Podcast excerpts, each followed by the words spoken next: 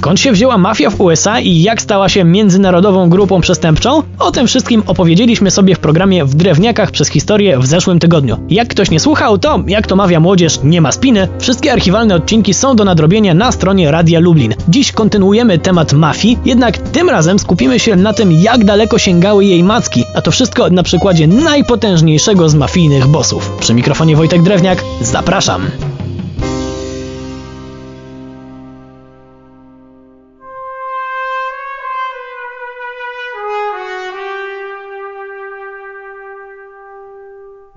Pewnie nie jedna osoba już sobie zdążyła pomyśleć, że dziś opowiemy sobie o sławnym Alu Capone, ale nie, bo prawda jest taka, że w porównaniu do innych mafijnych szych, to był dość sporym cieniasem, a w dodatku bucem, czego nikt nie lubi, zwłaszcza inni mafiozi. Skupimy się zatem na kimś, kogo faktycznie bał się cały przestępczy światek. Na Carlosie Marcelo, którego jednak początki przestępczej działalności raczej nie zapowiadały spektakularnej kariery.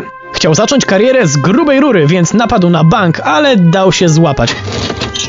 Swoje odsiedział, ale potem skazano go jeszcze raz, tym razem za sprzedaż 10 kg marihuany. Kara nie była jakaś druzgocąca, bo na wolność wyszedł już po 10 miesiącach. Od tej pory był już dyskretniejszy i ostrożny. Bardzo szybko piął się po szczeblach kariery, aż wreszcie stał się głową mafii w Nowym Orleanie. Nikt nie miał wątpliwości, że to Carlos rządzi na rejonie. Do tego stopnia, że jak pewien gość zapytał szefa nowojorskiej mafii, czy może pojechać do Nowego Orleanu, to usłyszał: Nie jedź. Żadnych wyjaśnień, po prostu nie jedź. Oni nie chcą tam nikogo obcego. Jak kiedyś będziesz chciał pojechać do Luizjany, to daj znać. Zadzwonię i zdobędę dla ciebie pozwolenie. Wniosek nasuwa się sam. Sam boss jednej z nowojorskich rodzin mafijnych musiał pokornie starać się o pozwolenie na wjazd dla swoich ludzi. To samo w sobie świadczy o tym, kim był Marcelo. Fakt, że był tak potężny, bardzo nie podobał się amerykańskiemu rządowi, który próbował go deportować, ale pierwszą próbę Carlos odparł banalnie prosto.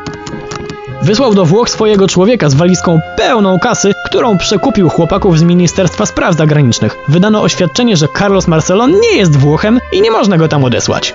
Amerykanie się jednak nie poddawali i w końcu udało im się deportować Carlosa do Gwatemali, ale jego ludzie przeszmuglowali go szybko do Hondurasu, a stamtąd po prostu poleciał do Miami, gdzie żaden urzędnik imigracyjny nie robił mu problemów, bo się po prostu bał.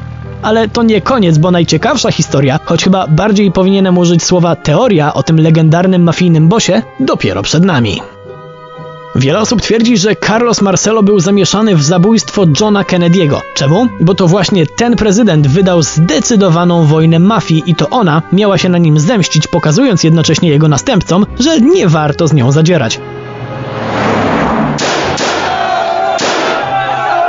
Według oficjalnej wersji zabójca prezydenta Lee Harvey Oswald działał sam. Ale czemu w takim razie został pozbawiony życia? I to tak szybko? Ponoć sam Oswald, jak i Jack Ruby, jego morderca, byli związani właśnie z mafią, a Ruby wykonywał jej rozkaz, żeby profilaktycznie uciszyć Oswalda, zanim ten zacznie sypać, na czyje działał zlecenie. Kennedy walczył z mafią, jego bracia przeszkadzali w interesach i deportowali Carlosa do Gwatemali. Carlos miał prawo nie lubić tej rodziny, na co kolejnym dowodem jest fakt, że przekazał pół miliona dolarów na sztab Nixona w trakcie trwania kampanii prezydenckiej w 1961 roku. Jest więc wiele kwestii, które sugerują, że śmierć Kennedy'ego byłaby Carlosowi Marcelo bardzo na rękę. Jednak polityka była tylko częścią mafijnej działalności. Marcelo, podobnie jak inni jego koledzy, bardzo cenili sobie wpływ na show biznes, czego koronnym przykładem jest kariera Franka Sinatry. Oczywiście nic za darmo. W 1975 roku majątek Carlosa oszacowano na jakieś 60 milionów dolarów, a sam zainteresowany naturalnie zarzekał się, że jest biznesmenem i nie ma nic wspólnego z żadną mafią. Zmarł jako wolny człowiek w swojej posiadłości z widokiem na pole golfowe. Stosunkowo niedawno, bo w 1993 roku. Na szczęście nie wszyscy bandyci mają tyle szczęścia i historia pokazuje, że los może nie zawsze, ale często bywa sprawiedliwy. Jednak to już jest historia na następny raz. Przy mikrofonie był Wojtek Drewniak. Do usłyszenia.